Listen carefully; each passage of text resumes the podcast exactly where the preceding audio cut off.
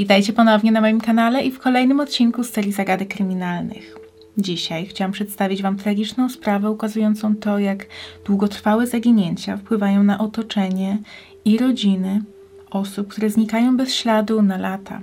Zanim jednak przejdę jeszcze do przedstawienia tej historii, to chciałabym polecić Wam serial, który był dla mnie inspiracją przy wyborze tematu dzisiejszego odcinka, a jest to drugi sezon serii Player Original pod tytułem Nieobecni. Drugi sezon serialu skupia się na poszukiwaniach zaginionej lata wcześniej córki Elżbiety Zawady, granej przez Danutę Stenkę. Kasia zaginęła jako nastolatka i okoliczności jej zniknięcia nie zostały wyjaśnione. Od tamtego traumatycznego wydarzenia Elżbieta obsesyjnie szuka córki w każdej sprawie, nad którą pracuje. W pierwszym sezonie jedną z głównych ról komisarza Filipa Zachary grał Piotr Głowacki – Niewiele osób postrzega komisarza jako dziwaka, jednak w rzeczywistości jest on osobą z zespołem Aspergera, która mimo pewnych ograniczeń w postaci przykład braku swobody w kontaktach społecznych, trudności z rozumieniem żartów i podtekstów oraz niechęci do bliskości, jest wyjątkowo zdolnym policjantem mogącym pochwalić się przykład nadzwyczajną fotograficzną pamięcią. W drugim sezonie również będzie można zobaczyć tworzoną przez Piotra Głowackiego postać. Tym razem będzie wspierał komisarz Zawadę, prywatnie swoją ciotkę, w śledztwie w sprawie zaginięcia jej córki. Drugi sezon nie jest bezpośrednią kontynuacją pierwszego.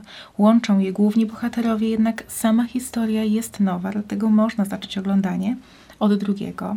Jeśli temat przewodni bardziej Was interesuje, ponieważ pierwszy sezon skupiał się na zaginięciu krótkotrwałym. Poruszany w drugim sezonie temat jest dość ciężki, ponieważ pokazuje to, jak zaginięcia nierozwiązane latami wpływają na psychikę rodzin i bliskich osób zaginionych. Pójście w życiu do przodu jest wtedy bardzo trudne. Pokoje zaginionych są często pozostawiane w nienaruszonym stanie. Kupowane są prezenty na różne okazje z nadzieją, że może w tym roku ta osoba w końcu wróci. I choć ciężko to przyznać, to czasem wydaje się, że nawet najgorsza prawda będzie lepsza od życia w niewiedzy latami. Miałam okazję przedpremierowo zapoznać się z pierwszymi odcinkami drugiego sezonu i myślę, że jeśli tematyka zaginięć, zwłaszcza tych, które od lat czekają na rozwiązanie, jest dla Was interesująca, to ten serial sprawdzi się idealnie. Jego niekwestionowanym atutem jest to, że rozwiązanie nie jest do przewidzenia, a akcja naprawdę trzyma w napięciu. Jeśli udało mi się Was zainteresować, to więcej informacji na temat serialu znajdziecie pod linkiem w opisie. A teraz przechodzę już do tematu dzisiejszego odcinka, czyli sprawy Marcy Ann Ryan. Marcia urodziła się 19 lipca 1963 roku w stanie Victoria w Australii. Była najmłodszym z pięciorga dzieci Johna i Joanny Ryan. Miała trzech starszych braci, Marka, Paula oraz Antoniego, a także siostrę Diane. Po ukończeniu szkoły i osiągnięciu pełnoletności Marcia zamieszkała sama w domu przy ulicy LaRue Crescent w Seaford w Australii. W wolnych chwilach dziewczyna bardzo lubiła jeździć na motocyklu, pływać, nurkować i grać na flecie. Była towarzyska, energiczna i miła, choć od czasu do czasu zdarzały jej się gorsze okresy w życiu. Gdy zbliżał się wrzesień każdego roku, Marcia wspominała Diane, swoją starszą siostrę, którą bardzo kochała. 28 września 1980 roku dwudziestoletnia wtedy Diane zginęła w wypadku drogowym, gdy w jej samochód uderzyło kradzione auto, którym jechało kilkoro nastolatków. Siedemnastoletnia wówczas Marcia jechała w drugim aucie tuż za samochodem prowadzonym przez siostrę i była świadkiem całego tego zdarzenia. Jej samej nic się nie stało, jednak strata siostry w tak tragicznych okolicznościach bardzo mocno odbiła się na jej psychice. Marcia nigdy nie otrząsnęła się po tym wydarzeniu i co roku, gdy zbliżała się rocznica śmierci Diane, dzwoniła do swoich rodziców zapytać, gdzie wtedy będą na wypadek, gdyby ich potrzebowała. 19 sierpnia 1996 roku Marcia jak zwykle poszła do pracy w firmie transportowej prowadzonej przez swojego wuja. Siedziba znajdowała się w Huntingdale na przedmieściach Melbourne. Tego dnia jednak kobieta nie była sobą. Około 12.30 powiedziała już przełożonej, że źle się czuje i chciałaby wrócić do domu odpocząć. Warto wspomnieć, że 33-latka pracowała w tej samej firmie od 10 lat i praktycznie nigdy nie chorowała i nie wykorzystywała dni wolnych od pracy. Wyjątkiem był tylko krótki okres, gdy wracała do zdrowia po chirurgicznej operacji tarczycy. Zdaniem jej szefa i wuja, Billa Thompsona, Marcia była najlepszym pracownikiem, jakiego mógł sobie życzyć. Była pozytywna, pracowita, uczciwa, rzetelna i staranna. Właścicielami firmy byli jej ciotka i wuj i często widywali się także poza pracą. Kilka razy w tygodniu jedli razem kolację i grali w bilard, a Marcy za każdym razem towarzyszył jej ukochany pies Ziggy, czarno-biały mieszaniec Border Collie i Lancashire Heeler.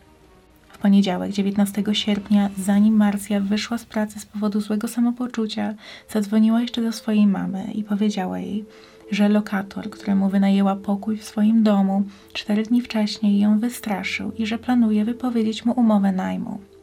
Ojciec Marcy, John, trochę inaczej zapamiętał tę rozmowę. Twierdził, że córka wcale się nie bała, tylko po prostu pożałowała swojej decyzji o wynajęciu pokoju, ponieważ przez lata przyzwyczaiła się już do mieszkania samodzielnie. Marcia kupiła swój dom z trzema sypialniami w 1992 roku i uznała, że dobrym pomysłem będzie wynajęcie go na czas jej nadchodzącego wyjazdu do Queensland. I właśnie przez to 15 sierpnia wprowadził się tam lokator, student. Jednak po pewnym czasie kobieta pożałowała swojej decyzji, ponieważ uznała, że jednak czuje się niekomfortowo z tym, że ktoś mieszka z nią pod jednym dachem. I późnym wieczorem, 19 sierpnia, jej starszy brat Mark Pomógł jej wynieść bagaże lokatora na zewnątrz, a ten następnie spokojnie oddał klucze, załadował rzeczy do samochodu i odjechał. Mark został z siostrą do około 22.40 i wrócił do swojego domu. Około 22.55 Marcia zadzwoniła do swojego ojca i powiedziała rodzicom, którzy w tamtym momencie przybywali na wakacjach, że ma zamiar przyjechać do Queensland wcześniej, żeby spędzić z nimi trochę czasu. Powiedziała, że potrzebuje przerwy i odpoczynku. Nie wiadomo skąd 33-latka wykonała to połączenie, jednak na pewno nie zadzwoniła ze swojego domu, ponieważ wyszła niedługo po swoim bracie. Wiadomo to, ponieważ niedługo później wypłaciła 50 dolarów z bankomatu znajdującego się w Camberwell. Następnie na kamerach monitoringu widać, że zawróciła i zaczęła kierować się w dalszą drogę do Queensland.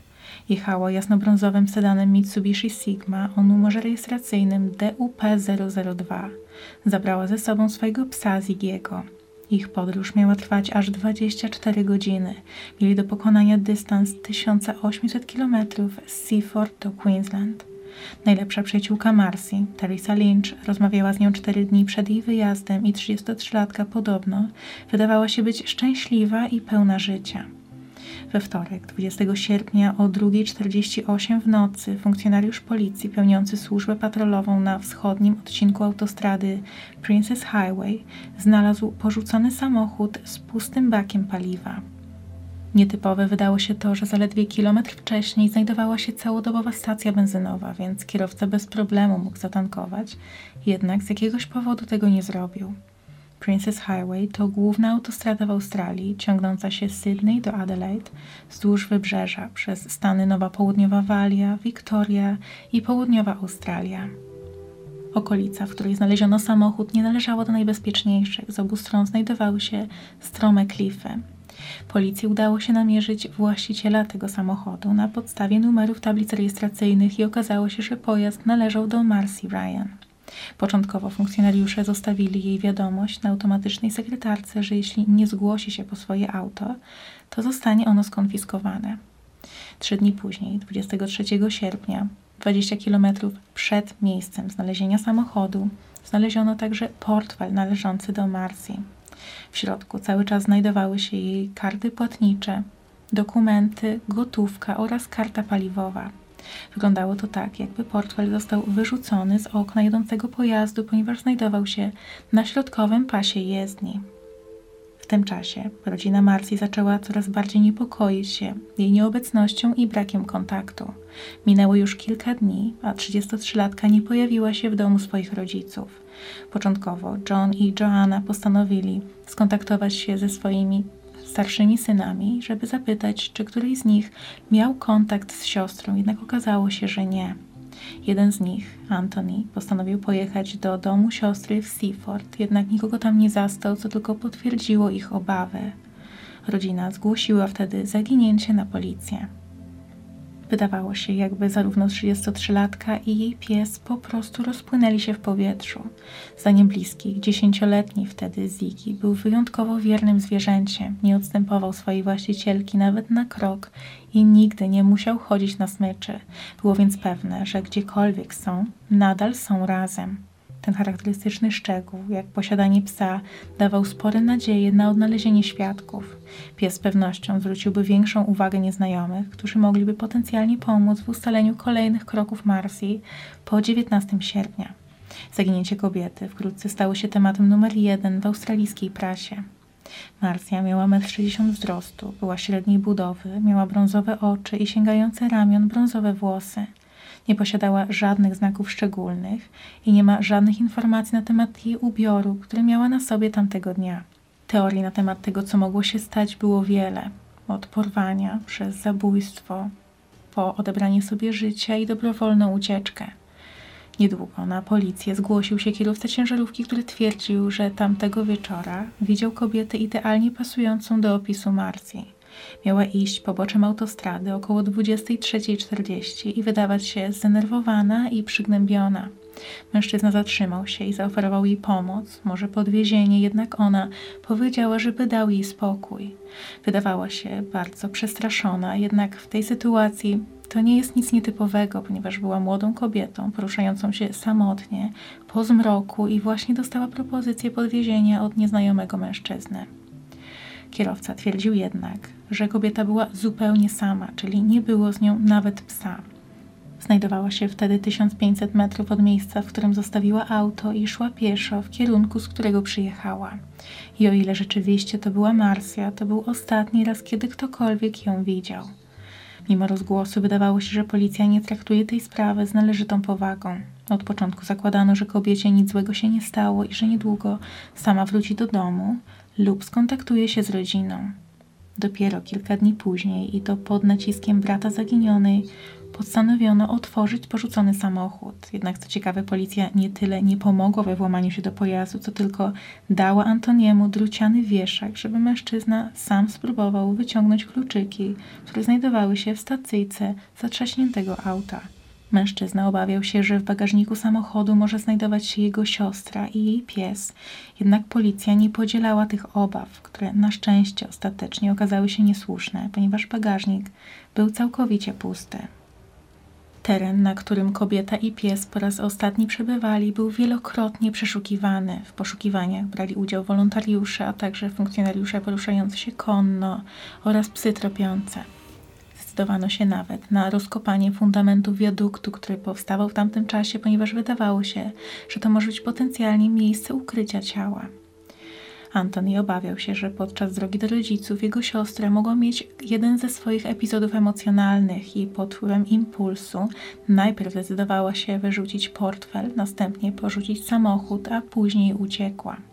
W swoich nastoletnich latach Antony i Marcia często podróżowali autostopem, dlatego brat podejrzewał, że siostra mogła korzystać właśnie z tego środka transportu.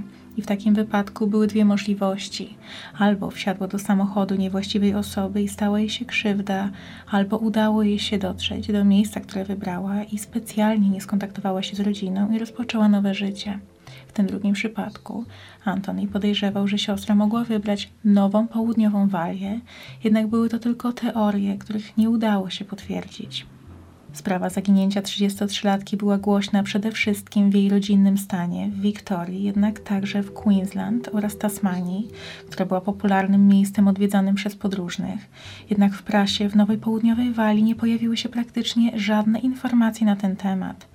Na policję zgłosiły się osoby twierdzące, że widziały Marsję w różnych częściach wszystkich tych wymienionych trzech stanów, w których sprawa była rozpowszechniana, ale żadne ze wskazówek nie doprowadziły do przełomu.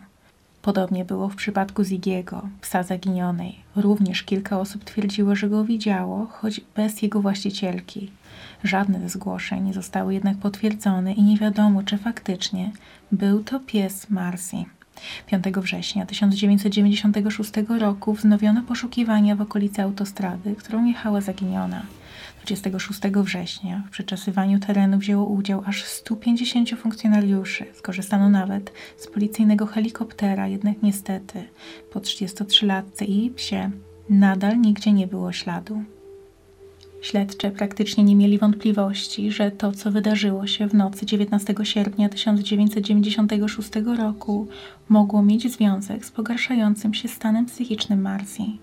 Jej bliscy twierdzili jednak, że nie ma możliwości, żeby kobieta mogła odebrać sobie życie. Nie zrobiłaby tego swojej rodzinie, ponieważ wiedziała, jak śmierć jej siostry Diane 16 lat wcześniej wpłynęła na wszystkich bliskich. Z biegiem czasu teoria o dobrowolnej ucieczce stawała się coraz mniej prawdopodobna i zaczęto skłaniać się w stronę opcji o udziale osób trzecich. Uważano, że Marsja nie wytrzymałaby tak długo bez jakiegokolwiek kontaktu ze swoją rodziną, przyjaciółmi i współpracownikami. Nie wytypowano jednak żadnych podejrzanych w tej sprawie. Jedyną osobą, która została przesłuchana, był ten lokator, który przez cztery dni wynajmował pokój w domu zaginionej, jednak mężczyzna szybko został oczyszczony z jakichkolwiek podejrzeń.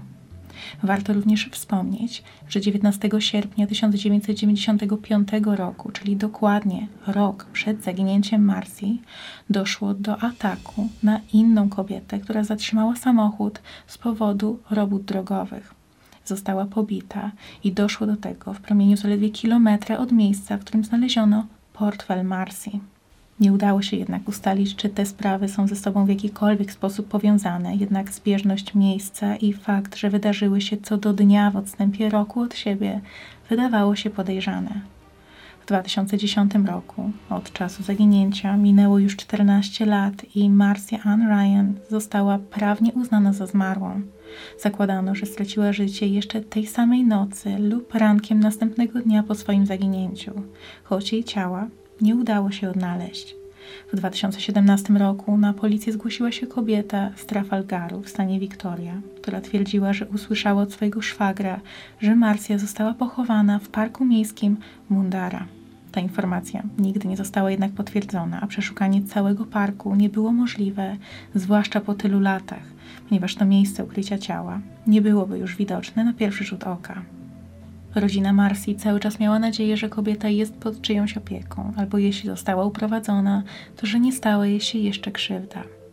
I ojciec, John, spekulował, że córka mogła na przykład stracić pamięć albo obawiać się powrotu do domu, ponieważ zauważyła, jak bardzo medialna stała się sprawa jej zniknięcia. Rodzina sprzedała dom Marcy dopiero po 10 latach i cały czas wierzyli w pozytywne zakończenie tej historii. Niestety, nigdy nie doczekali się odpowiedzi.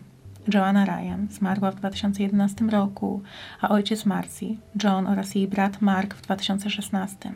Pozostali bracia, Paul i Anthony, cały czas aktywnie prowadzili poszukiwania i niezmiennie do dziś wierzą, że dowiedzą się, co stało się z siostrą, choć po latach coraz bardziej skłaniają się w stronę teorii o tym, że jednak stała jej się krzywda i jeśli zostanie odnaleziona, to już nie cała i zdrowa.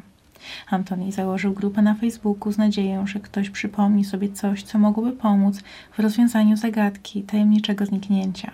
Najnowsze informacje w tej sprawie pochodzą z maja 2020 roku, kiedy pojawiła się pierwsza od dłuższego czasu nadzieja na przełom. Policja ogłosiła, że we wspomnianym już wcześniej parku Mundara odnaleziono ludzkie szczątki.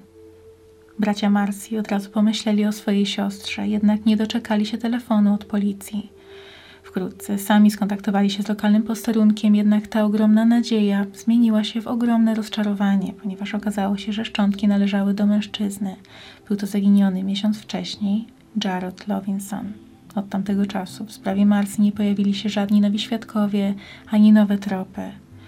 I do dziś nie udało się znaleźć nawet śladu ani kobiety, ani jej psa. Od czasu zaginięcia minęło już 26 lat, dlatego Ziggy z pewnością nie żyje. Jednak Marsja, jeśli żyje, to ma teraz 59 lat. I to jest już koniec tej sprawy. Na ten moment nic więcej nie jest wiadome i wydaje się, że prawda na temat losu Marsji może nigdy nie ujrzeć światła dziennego. Jej rodzinę spotkały aż dwie ogromne tragedie. Strata obu córek i choć obie sprawy były bardzo tragiczne, to jednak w przypadku Marsji dochodzi jeszcze ten aspekt niepewności, o którym wspominałam na początku tego odcinka. Jej rodzina trwała i żyjący krewni nadal trwają w nadziei na powrót siostry.